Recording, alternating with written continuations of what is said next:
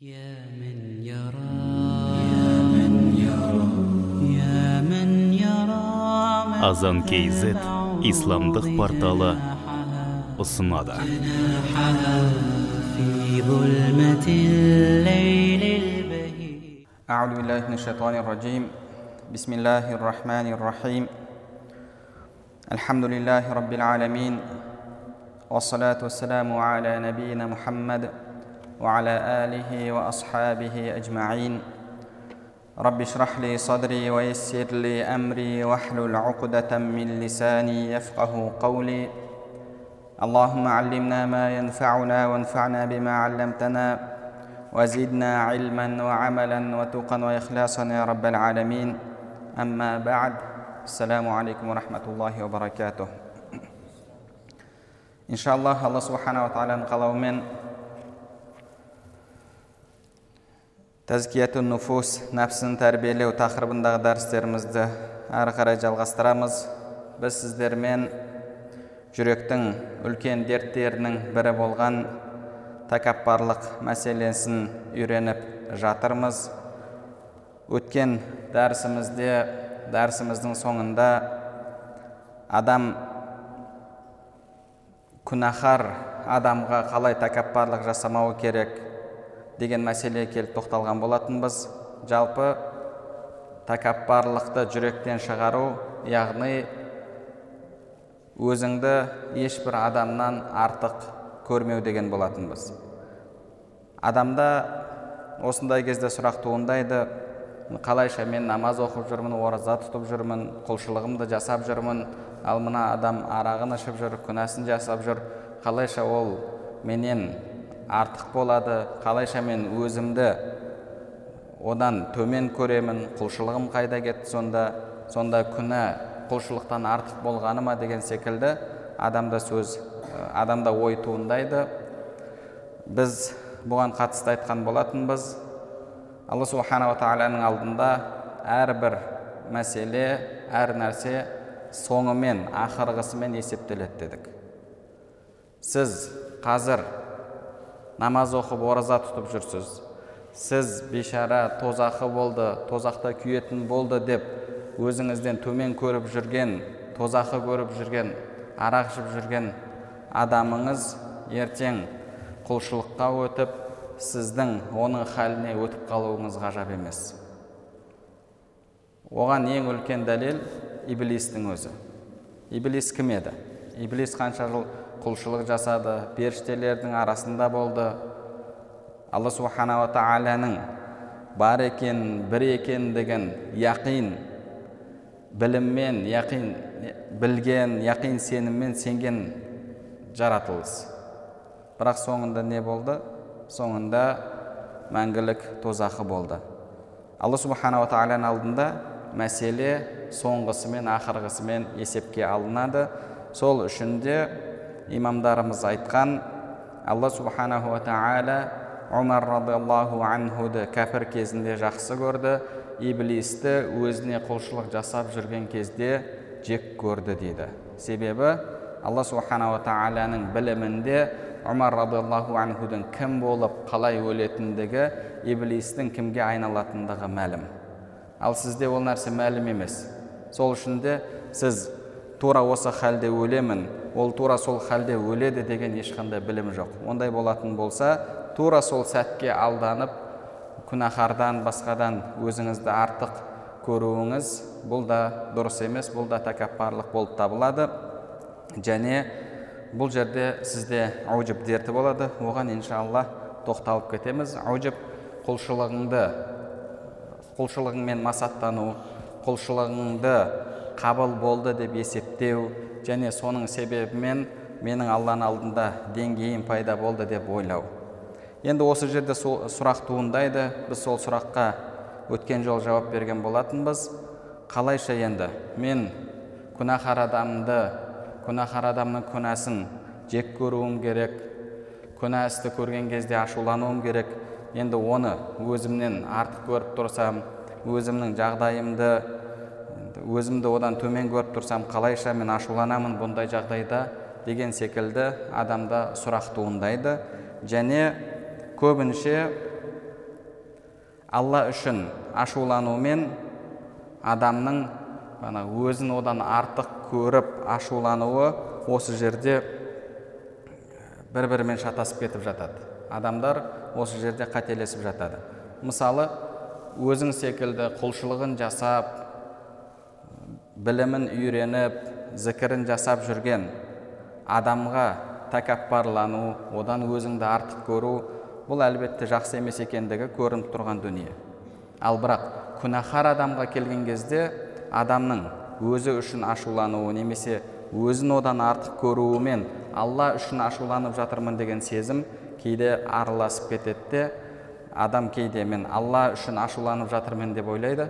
Бірақ үңіліп келіп қарайтын болсаң ол өзін одан артық көріп оны өзінен төмен көріп соның себебімен оны жақтырмай жатқан болуы мүмкін. Оған біз өткенде ә, мысал келтірдік. Ол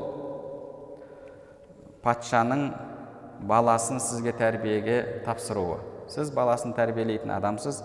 Сізге айтады баламды жақсылап тәрбиеле егер жаман қылықтар жасап жатса ұр оны саба маған жақсылап баламды тәрбиелеп бер деді. Сіз баласы жаман қылық жасап жатса жаман сөздер айтып жатса дұрыс әрі, дұрыс емес әрекеттер жасап жатса ашуланасыз. Не үшін? Себебі ол сіздің әлгі қожайыныңыз патшаңыз ашуланатын тірлік істеп жатыр. Патшаңызға жақпайтын тірлік істеп жатыр. Сол үшін сіз ашуланасыз да баласын тәрбиелеу үшін ұрасыз. Бірақ ұрып жатқан кезде мен баласынан патша үшін артықпын дәрежем артық деп айта алмайсыз. Себебі сіз оның баласын тәрбиелеп жатқанымен баласы патша үшін бәрібір артық тұрады. Бәрібір артық тұрады. Тура сол секілді. Бұл дүниеде алла субханала тағала сізге күнәні көрсеңіз ашулануға жақсылыққа бұйыру жамандықтан қайтаруға бұйырды. Күнәһар адам күнәһар адамға алла тағала жаза тағайындады. Сіз сол жазаны орындайсыз. Яғни орындайтын орында болатын болсаңыз қазы болсаңыз үкім шығарасыз. Сол қазының үкімін орындаушы адам болса әлгі артынан сабау керек болса арқасынан сабайды басын шабатын жерде басын шабады. Бірақ шауып жатқан кезде сабап жатқан кезде мен бұдан артықпын мен хайырлымын деп ол ойламайды. Яғни адам сол үшін де өзін күнәһар адамдан да артық көріп тәкаппарлыққа салынуы дұрыс емес. Енді құранда хадисте келген білімнің артықшылығы ғалымдардың артықшылығы жайында келген хабарлармен не істейсіз? Онымен қандай мәміле жасайсыз? Оның барлығын басқа адамдарға қолданасыз. Иә ғалымдар осылай бір адамды ғалым деп білсеңіз машалла мынау ғалым мынаның иншалла алланың алдында дәрежесі жоғары деп басқалар жайында жақсы ойда боласыз жақсы пікірде боласыз. Ал бірақ сол аят хадистердің барлығын алып келіп өзіңізге қолдануыңызға болмайды. Себебі сіз құлшылығыңыз қабыл ма қабыл емес па білмейсіз біліміңізге амалыңыз қаншалықты дұрыс болып жатыр біліміңіз ертең алланың алдында сізге қарсы құжат болады ма болмайды ма білмейсіз. Сол үшін де ол артықшылық берген аят хадистерді әкеліп өзіңізге қолдануыңызға болмайды. Керісінше өзіңіз үшін қорқасыз басқа адам үшін енді иншалла жақсы ойда боласыз. Күнә істеп жатқан адамға да енді бұл білмей істеп жатыр ғой деген секілді ойда болып ал өзіңізге келгенде енді мен күнә істесем біліп істеймін менің алланың алдындағы жауабым жазам артығырақ болады деп адам өзі үшін қорқуы керек. Құранда алла субханала тағала ол жайында айтады. Жәннатта адамдар жәннатқа кіргеннен кейін бір бірімен сөйлеседі. Сонда олардың айтқан сөздерінен инна күнна қаблу фи әхлина мушфиқин біз алдын бұл дүниеде болған кезімізде қорқушы едік деді. Қорқушы едік. Алла субханала тағала басқа бір аятта олар ертең алланың алдында жағдайымыз қалай болады деп қорқады ақиреттері үшін алаңдайды дейді басқа бір аятта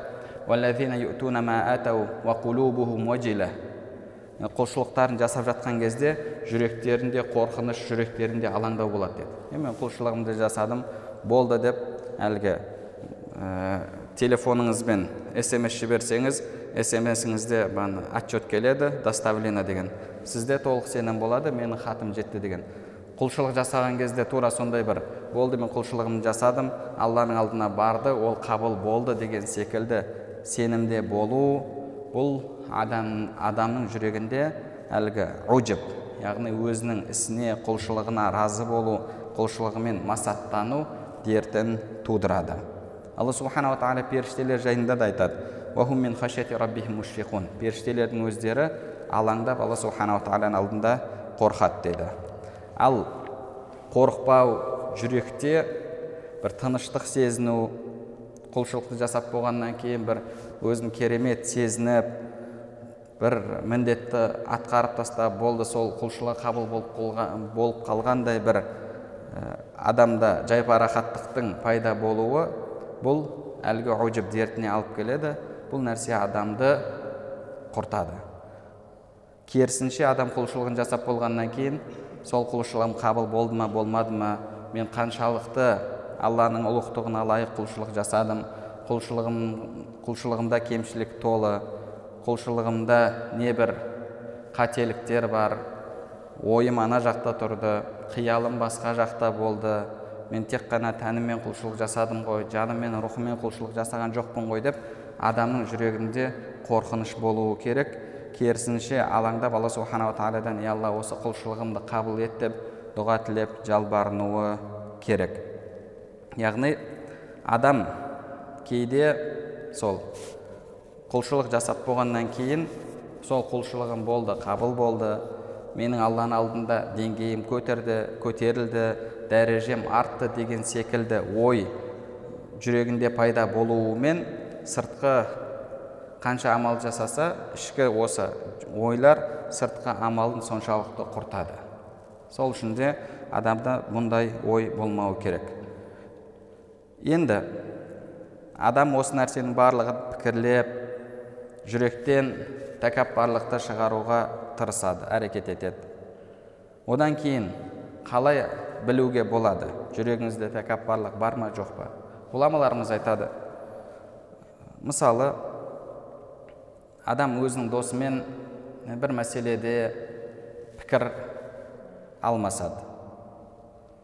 Бір мәселені ортаға тастайды. Сөйтіп егер досының пікірі дұрыс болып жатса оның айтқаны күштірек болып жатса соны қабылдауға қиналатын болса жүрегінде бір мынадан мен жеңіліп қалдым немесе мынаның сөзі күштірек болып кетті ау деген секілді ойда болып жақтырмастан соның сөзін қабылдамауға тырысып оны басқаша бір бұрмалауға тырысып жатса бұл адамның жүрегінде дерт бар. Ол тәкаппарлық дерті. Егер бұл нәрсе жаныңызда басқа адамдар болғандықтан болып жатса бұл адамда рия дерті бар деді. Егер жеке өзі қалса мойындай салатын еді. Адамдардың алдында болған кезде мойындауға қиналып жатса бұл адамда тәкаппарлық емес рия дерті бар. Неге себебі? Бұл жанында адамдар көріп тұр. Ертең сондай әңгіме шығып кетеді мына жақта мынандай нәрсе айтылады деген секілді. Жүрегінде сезім бар. Ол адамдарға жалтақтайды. Адамдардың алдындағы құрметі адамдардың алдындағы дәрежесі ол үшін маңызды. Соның себебімен адамдардың алдында ақиқатты қабылдағысы келмейді. Бұл адамда рия дерті бар. Ал егер жеке қалғанда да қабылдауға қиналып жатса ақиқатты онда бұл адамда тәкаппарлық дерті бар.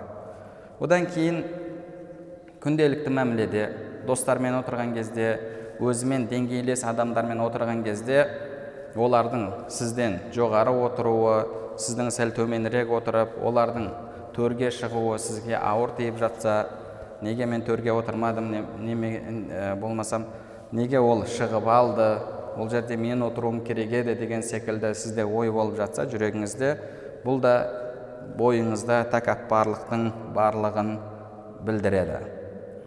Және сондай ақ адам қоғамдағы деңгейі жоғары болатын болса оған дүние мал мүлік біткен болатын болса оны дүние мал мүлкі аз болған қоғамдағы орны төмен болған адам үйіне шақырса соны үйіне баруға арланса қиналса барған кезде менсінбесе және барғандағы жағдайын көріп оны өзінен төмен көріп жатса бұл адамның да жүрегінде тәкаппарлық дерті бар. Және сондай ақ адамның өзіне қажетті нәрселерді базарға барып сатып алып үйіне тасуы бір әсіресе бір қызметте болатын болса мен адамдар базарда көріп қалатын болды. Соның ішінде әлгіндей бір арзандау базарға баратын болса сол базарда адамдардың оны көріп қалуы бұны қинайтын болса бұл тәкаппарлықтың белгісі. Яғни ол өзін әлгі жай базарда жүретін арзан базарда жүретін адамдардан артық көреді. Ол басқалардың деңгейі бұның деңгейі тек қана қымбат бутиктерде жүру керек қымбат бағанағы бір бренд киімдерді кию керек. Ал базарға барып базардан киім көру бұл үшін бір ар болатын болса ол адамның жүрегінде тәкаппарлық бар. Ол өзін әлгі дүние мал мүлкі азырақ болған адамдардан артық көріп тұр. Бұл да тәкаппарлықтың белгісі. Алла субханала тағала құранда айтқандай кедей адамға бай адам жолыққан кезде менің дүние мал мүлкім сенен көп және менде мен жағдайым жақсы деген секілді сөзді айтқан еді. Енді адам осымен де өзінің жүрегіндегі тәкаппарлықты тексерсе, тексерсе болады. Және сондай ақ арзандай арзандау киім киюмен тексеруге болады деп имам абу хамид ғазали айтады. Әлбетте енді бұл қоғамға заманға байланысты нәрсе болып табылады. Себебі мысалы ғалым адамның киетін киімі бар ол бағанағы көшеге шыққан кезде жай адам секілді немесе бағанағы шортик майкада яғни футболка майкада жүруі шортикте жүруі әлбетте бұл оның деңгейіне лайық нәрсе болып табылмайды. Бұл жерде ол діннің қадірін түсіреді.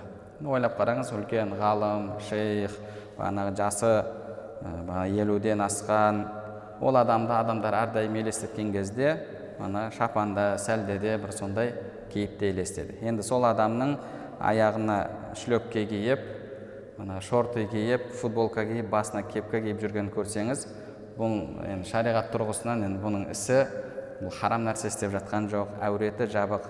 Бірақ оның бұл киімі енді адамдардың жүрегіндегі ғалымға деген деңгейді түсіреді. Сол үшін де енді ол нәрсені әлбетте енді заманына уақытына қарай жасалатын дүние. Одан кейін адам жүрегінен тәкаппарлықты шығарып жүрегінде кішіпейілділік болу керек. Кішіпейілділік деген не? Кішіпейілділік деген яғни өзімен деңгейлес адамдардан өзін артық көрмеуі өзін құлшылығы себебі құлшылығы себепті немесе білімі себепті басқалардан артық көрмеуі өзімен деңгейлес адамдарға қызмет жасауға арланбауы бұл жүректегі кішіпейілділіктің белгісі. Ғұламаларымыз айтады әр нәрсенің ортасы болады дейді орыстарда золотая середина дейді яғни ана алтын орта болады. Мысалы сараңдық бар.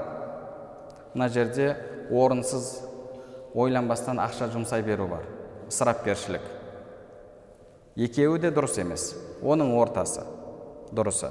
Алла субханала тағала құран кәрімде яғни жүре, қолыңды мойныңа байлап алма яғни сараңдыққа салынба және қолыңды толық ашып жіберме яғни ысырапқа берілме деді ысырап жақсы көрілген нәрсе емес сараңдық та жақсы көрілген нәрсе емес екеуінің ортасы жақсы болып табылады хайрул умури аусатуха істердің жақсысы орта болғаны деді енді адам тәкаппарлықтан түсуі керек кішіпейілділікке. Кішіпейілділіктен төмен түсіп кету бар. Кішіпейілділіктен төмен түсіп кету яғни ол былайша айтқанда әлгі кез келген адамның алдында мәймөңкелеп жалпақтап оның былайша айтқанда яғни аяқ киімінің деңгейіне түсу. Бұл нәрсе де дінімізде дұрыс емес. Яғни имам абу хамид ал ғазали айтпақшы бір ғалымды көрген кезде бір ғалым екінші бір ғалымды көрген кезде оны құрметтеп тұрып орнын беріп өзінен жоғары отырғызып оған қызмет жасауы бұл кішіпейілділіктің белгісі. Ал енді бірақ ол ғалым адамдардың арасында ғалым ретінде танылған отырысына мәжілісіне базарда тәшке итеретін адам кірсе жүгіріп барып соның бағанағы аяқ киімін қойып беріп соны өзінен жоғары қойып жатса бұл әлбетте оны ғұламаларымыз бұл тахассус дейді. Тахассус деген яғни өзін әлгі қорлау өзін қоғамдағы деңгейінен түсіру дейді. Бұл бұлай діннің деңгейін түсіреді. Әр адамға өзінің ақысын беру керек. Ғалым ба ғалымға қызметін жасайды оны өзінен жоғары қояды өзімен деңгейлес әріптес адамдарды ал енді ондай болмаса ол мысалы қоғамда бір дін иесі ретінде сондай адамдар құрметтеп төрге шығаратын адам ретінде қаралмаған адаммен мәмілесі оған кішіпейілділігі оған күлімсіреп оның сұрағына жауап беріп үйіне шақырса арланбастан баруы бұл оны құрметтеуі оған кішіпейілділік көрсету. Ал жүгіріп барып мысалы әлгі ғалым басымен барып ә, базарда бір әлгіндей мысалы көше сыпыратын адамға басқаға барып аяқ киіміне әлгі ложкасын алып аяқ киімін кигізіп беріп бүйтіп жатса бұл әлбетте ол діннің дін адамының деңгейін түсіреді. Өзінің қадірін сақтай білуден адам айырылып қалса оған яғни кез қай жерде болмасын әлгі қоғамдағы деңгейіне қарамастан бір айып саналатын істі де басқаны да істей беру барлығы ол үшін сондай бір қалыпты жағдайға айналып келеді жатса енді бұл адам әлі кішіпейілділік деңгейінен өзін қорлау деңгейіне түсіп кетіпті деді. Сол үшін де ол адам бұл нәрседе де ортаны ұстай білуі керек. Ортаны ұстай білу керек. Ол өзі секілді өзінің деңгейіндегі адамдарға құрметін көрсетіп әлгінде оларға қызметін жасау. Ал қоғамда қоғамдағы деңгейі бұл жерде алланың алдындағы деңгейі емес қоғамдағы деңгейі төмен болған адамға мәмілесінде яғни оған кішіпейілділік көрсету басқа түрде болады. Басқа түрде болады. Сіз ойлап елестетіп көріңіз. Яғни үлкен ғалым алып әлгі бағанағындай нәрселерді істеп жүрсе сіз айтасыз мынау сәл былай отырса болар еді бұл ғалым ғой бәрібір. Сәл өзінің деңгейін ұстаса болар еді деп адамдардың да жүрегінде ой туындайды. Яғни бұл бұл іс діннің дін адамының қоғамдағы деңгейін түсіреді. Сол үшін бұл нәрседе дұрыс болып табылмайды. Бұл нәрсе дұрыс емес. Яғни бұл жалпы тәкаппарлыққа қатысты ғұламаларымыздың айтқан мәселелері. Енді тағы бір мәселе бар. Бұл уджуб мәселесі. Уджуб яғни самодовольство орысша айтқанда. Масаттану. Адамның өзіне немесе өзіндегі бір сипатқа разы болуы. Өзін жақсы көруі. Өзін жақсы көру дегенде яғни белгілі бір сипатпен менде осындай сипат бар мен сол сипатпен басқалардан артықпын деген секілді сезіммен өзін жақсы көру. Бұл тәкаппарлықтың негізгі себебі болып табылады. Яғни адам адамның басқалардан өзін артық көруі өзіндегі бір сипатты жақсы көрумен менде бір сипат бар басқаларда жоқ деген секілді сезім ой пайда болған кезде бұл тәкаппарлыққа ілеседі ары қарай тәкаппарлыққа айналады. Сол үшін де адам жүрегінен осы уджуб дертін шығаруы керек. Құранда алла субханала тағала айтады ويوم حنين إذ أعجبتكم كثرتكم فلم تغني عنكم شيئا хунайн соғысында сахабалар ол кезде көп болды риуаяттарда 12 мың адам еді деді 12 мың ал кәпірлер одан аз сол кезде «Е, бүгін біз көппіз көпшілік азшылықтан ұтылмайды деді жеңілмейді деді сөйтіп басында жеңілуге жақын қалды бірақ алла субханала тағала кейін оларға жеңіс берді алла субханала тағала сол жайында айтады «Уайаума хунайн хунайн шайқасында хунайн күні «Из а'жабаткум кәсратукум». көптіктерің сендерге ұнап қалды деді яғни көптіктеріңе разы болдыңдар біз көппіз көп болдық па онда көпшілік аз қауымнан жеңілмейді деді алла қаласа иншалла енді алла жеңіс берсін алла жеңіс бермесе мысалы бір адам мың адамды да жеңіп жіберуі мүмкін деген секілді бір үмітпен қорқынышпен дұға жасаудың орнына кейбіреулерде сондай ой пайда болды. Біз көпшілікпіз болды біз міндетті түрде жеңеміз деген. Яғни бұл бір сипатты алып соған разы болып соны артықшылық деп білу. Алла субханала тағала айтады Сол көп болуларың сендерге ешқандай пайда келтірген жоқ деді. Алла қаламағанда сол жерде сендер жеңіліп қалар едіңдер деді. Пайғамбарымыз саллаллаху алейхи уассалам әлі сахабалар сол кезде яғни сондай пайғамбарымызға баяат берген кейбір сахабалардың ішіндегілері де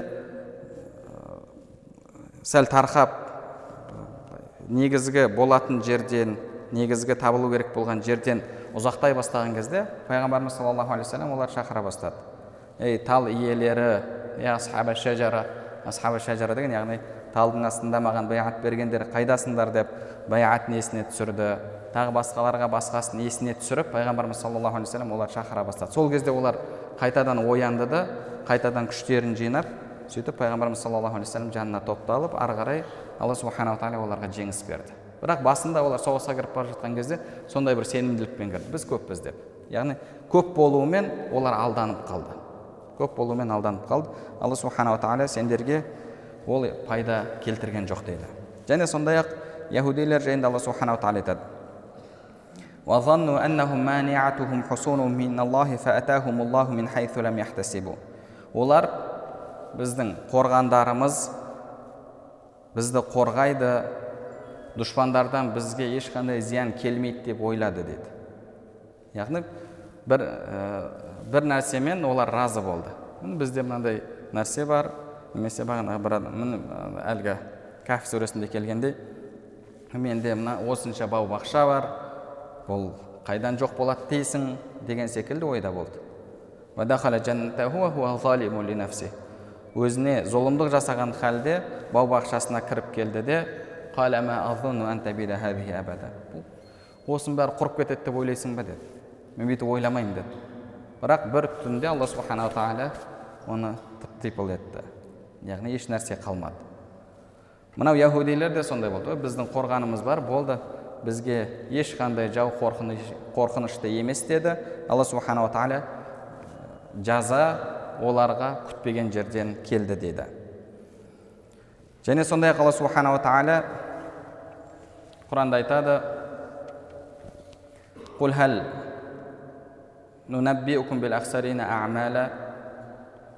амалдары зая болғандар жайында хабар берейін бе бұл дүниеде жасаған амалдары зая болғандар бірақ олар біз жақсы амал жасап жатырмыз деп ойлайды деді енді бұл ой қашан пайда болады әлгі ожиб дерті ол құлшылығында кемшілік толып жатыр құлшылығы дұрыс орындалып жатқан жоқ бірақ бәрібір бұда мен құлшылық жасап жатырмын мен керемет істеп жатырмын деген сондай ой бар. Сол оймен алданып жүр. Бірақ алла субханала тағаланың алдында оның құлшылығы есептеліп жатқан жоқ. Ертең қияметте алланың алдына барған кезде күл талқан болатын шаң тозаңға айналатын құлшылық. Бұл адамда ожіб дертіне ұшыраған адам. Пайғамбарымыз саллаллаху алейхи уассалам хадисінде айтады. Мухликат үш нәрсе адамды құртады деді адамды қоғамды құртатын нәрсе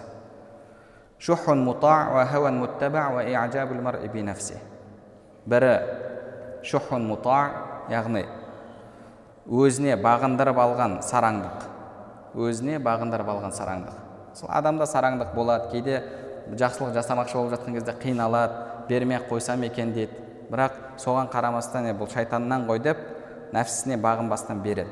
Бұл адам сараңдығына құл болмаған адам. Сараңдығын басқара алатын игере алатын адам. Ал бірақ қашан қоғамда адамдардың бәрі сараңдыққа салынып сараңдықтары сондай күшейіп ешқандай бір жақсылық жасалмайтын болса кейін хауан муттаба әрбір адам дінге емес ғалымның фәтуасына ғұламалардың сөзіне емес әркім өзінің көңіл қалауына еретін болса үшіншісі осы біз айтып жатқан дерт адамның өзімен өзінің пікірімен өзінің білімімен өзінің ақылымен разы болуы ақылына разы болуы соны жеткілікті санауы. Онда бұл қоғам құритын қоғам. Яғни адам дінге ермейді ғұламаның фәтуасына ермейді өзінің көңіл қалауына ереді. Енді келіп оған насихат айтып жатса насихатты да қабылдамайды. Неге? Себебі ол мен ақылым жеткілікті менің білімім жеткілікті сенің насихатың сенің ақылың керек емес оны басыңа не дейді? Сағыз қылып шайна немесе басыңа бір нәрсе қылып жақ деген секілді ақылыңды сондай сөздерді айтып шығарып салады. Ешкім ақыл оған керек емес. Мен ақылдымын мен кереметпін деп ол яғни әлгі самодовольный орысша айтқанда самовлюбленный адам. Өзіне разы болып өзінің ақылымен біліммен масаттанып жүрген адам. Енді қоғамда кедейге көмектесу жоқ адамдар дінге емес көңіл қалауына ереді және насихат еткен адамның насихатын да қабылдамайды. Бұндай кезде жақсылыққа бұйыру жамандықтан қайтару көмектеспейді. Неге? Себебі ол адам менде бәрі керемет менде бәрі тамаша деп ойлайды. Сол үшін де абдулла масуд анхуден келетін сөз бар. Әл адамның құрдымға кетуі екі нәрседе дейді. Бірі күдер үзуде яғни үміттің жоқ болуы. Екіншісі ұжіп дейді. Ұжіп әлгі яғни масаттану самодовольство. Осы екі нәрседе екі нәрсеге түсетін болса адам құриды деді абдулла ибн масуд радиаллаху анху не үшін бұл екі нәрсені айтып жатыр? Себебі яғни адам мысалы бақытты іздейді. Бақытты болғысы келеді. Бақытты екі түрлі адам іздемейді. Біреуі бірі бақытқа жету мүмкін емес деп күдер үзіп үміт үзген адам. Ода үміт жоқ. Екіншісі мен бақыттымын маған еш нәрсе керек емес деген адам. Бұл адам да іздемейді әлгі ол. Қанша іздесең де қол жеткізе алмайсың деген адам екеуі бақытты іздемейді. Яғни алланың рахметін мейірімін алланың мейіріміне рахмет, рахметіне жету мүмкін емес деген адам іздемейді. Құранда алла субханала тағала айтқандай алланың мейірімінен үміт үзбеңдер деді. Қашан адам үміт үзеді? Болды ол уже қолын сілтейді да отырады. Пайда жоқ дейді екінші адам мен алланың мейіріміне рахметіне бөленіп жүрмін деп ойлаған адам. Бұл адам іздемейді не үшін іздейді? Себебі ойлайды ол болды мен алла жақсы көреді алланың алдында маған яғни жәннат обеспечен былайша айтқанда жәннатқа маған кепілдік бар деген ойда болған адам әрекет етпеді бұл екі нәрсе де адамды құртады. Сол үшін де абдулла ибн масуд радиаллаху анху адамның құруы екі нәрсе деді. Бір адам бір нәрсе өзінде бар десе оны іздемейді. Екінші адам жету мүмкін емес десе ол да іздемейді. Біреуі ұжып ауруымен ауыратын адам екіншісі әлгі үмітін үзген адам үмітсіз адам бізде үмітсіз шайтан деп айтады неге себебі алладан үміті жоқ шайтан шайтан біледі өзінің кәпір екендігін өзінің тозақ екендігін ал адам егер үмітсіздікке түсетін болса ол шайтанға ұқсап кетеді мұтарриф ибн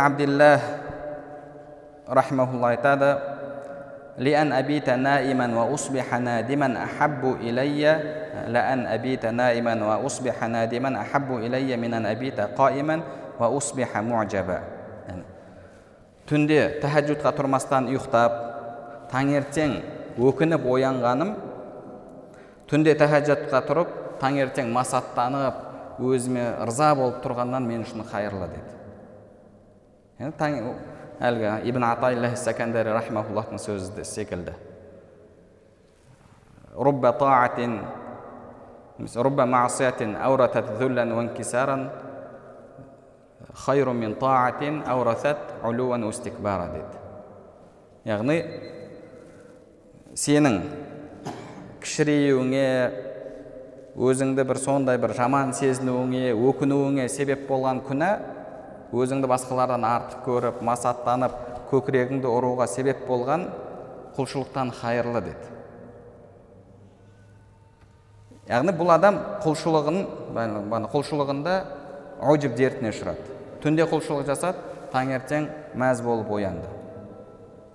Бұл адамды құртатын нәрсе болып табылады.